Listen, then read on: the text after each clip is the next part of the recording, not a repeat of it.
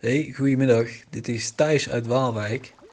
En ik vroeg me eigenlijk af, eh, wie bepaalt eigenlijk wat er in een geschiedenisboek komt? Oké, goedjes. Alledaagse vragen. NPO Luister. Thijs uit Waalwijk, dankjewel voor je vraag. Merel, wij hadden het eventjes over dit onderwerp, geschiedenislessen. Zeker. Je bent eh, wat ouder dan ik. Mhm. En ik moest meteen denken aan de tien tijdvakken. Bruiken en revoluties, jagers, verzamelaars, noem het maar op. Ja, ik totaal niet. Waar, oh, nee, hoe zit dat? Nou, toen je het op begon te noemen, zeg maar ook dat rijtje wat je nu zegt, denk ik, oh ja, die werktitels voor geschiedenisonderdelen ken ik wel. Maar volgens mij noemden wij dat gewoon nog niet de tien geboden. Wat was het? Of Tien nou? tijdvakken. Ja, de tien tijdvakken. Nee. Ja, zijn ook van na 2001, dus... eh, Ga door. Dat ga ik zeker doen. Nou, om uit te zoeken wie nu bepaalt wat er in de geschiedenisboeken komt te staan, belde ik met Marjan de Groot Reuvenkamp. Zij is voorzitter van de vakvereniging voor geschiedenisdocenten en zij kan dus precies uitleggen hoe zo'n boek tot stand komt. Voor de uitgevers die die boeken maken is heel belangrijk te weten wat de doelen zijn voor het geschiedenisonderwijs. En die doelen die worden eh, vastgesteld door ja, in feite eh, de Tweede Kamer. Dat zijn de kerndoelen. En eh, die kerndoelen die, die worden gemaakt bij SLO. Dat, dat klinkt dan heel, heel specialistisch. En zijn ook specialisten in leerplanontwikkeling. Maar SLO doet dat samen met leraren. Met leraren voor wie die geschiedenismethodes dan uiteindelijk ook eh, bestemd zijn. Dus leraar van het basisonderwijs, leraren van het voortgezet onderwijs.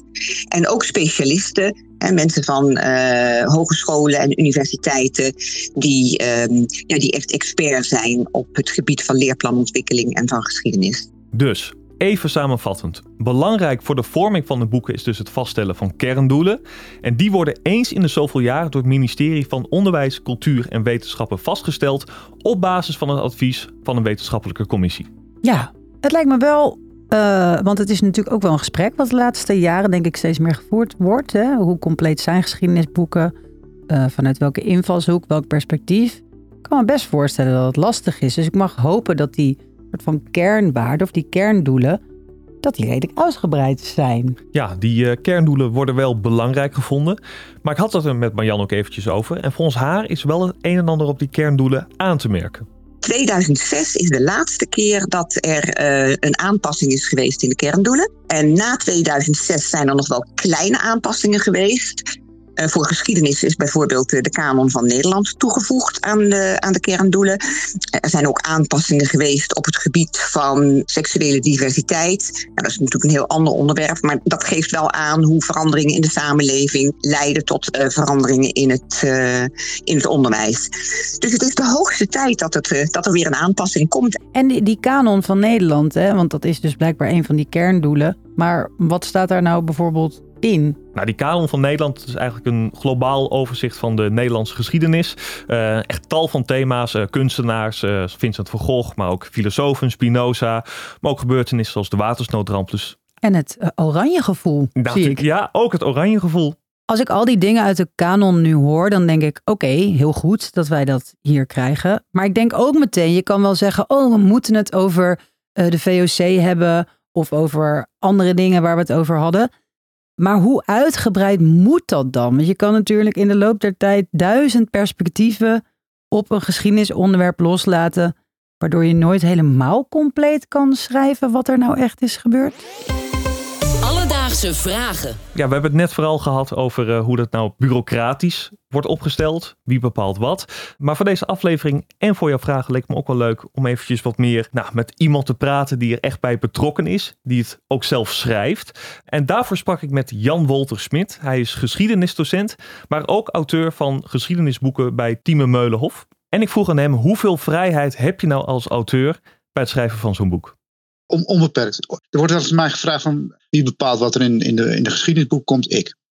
En, en daar, daar, daar is heel weinig tussen te krijgen. Zo werkt het natuurlijk in de praktijk niet, want je hebt een auteursteam en je hebt een eindredactie en een redactie en je bepaalt met, met elkaar wat het concept van eh, de methode gaat zijn.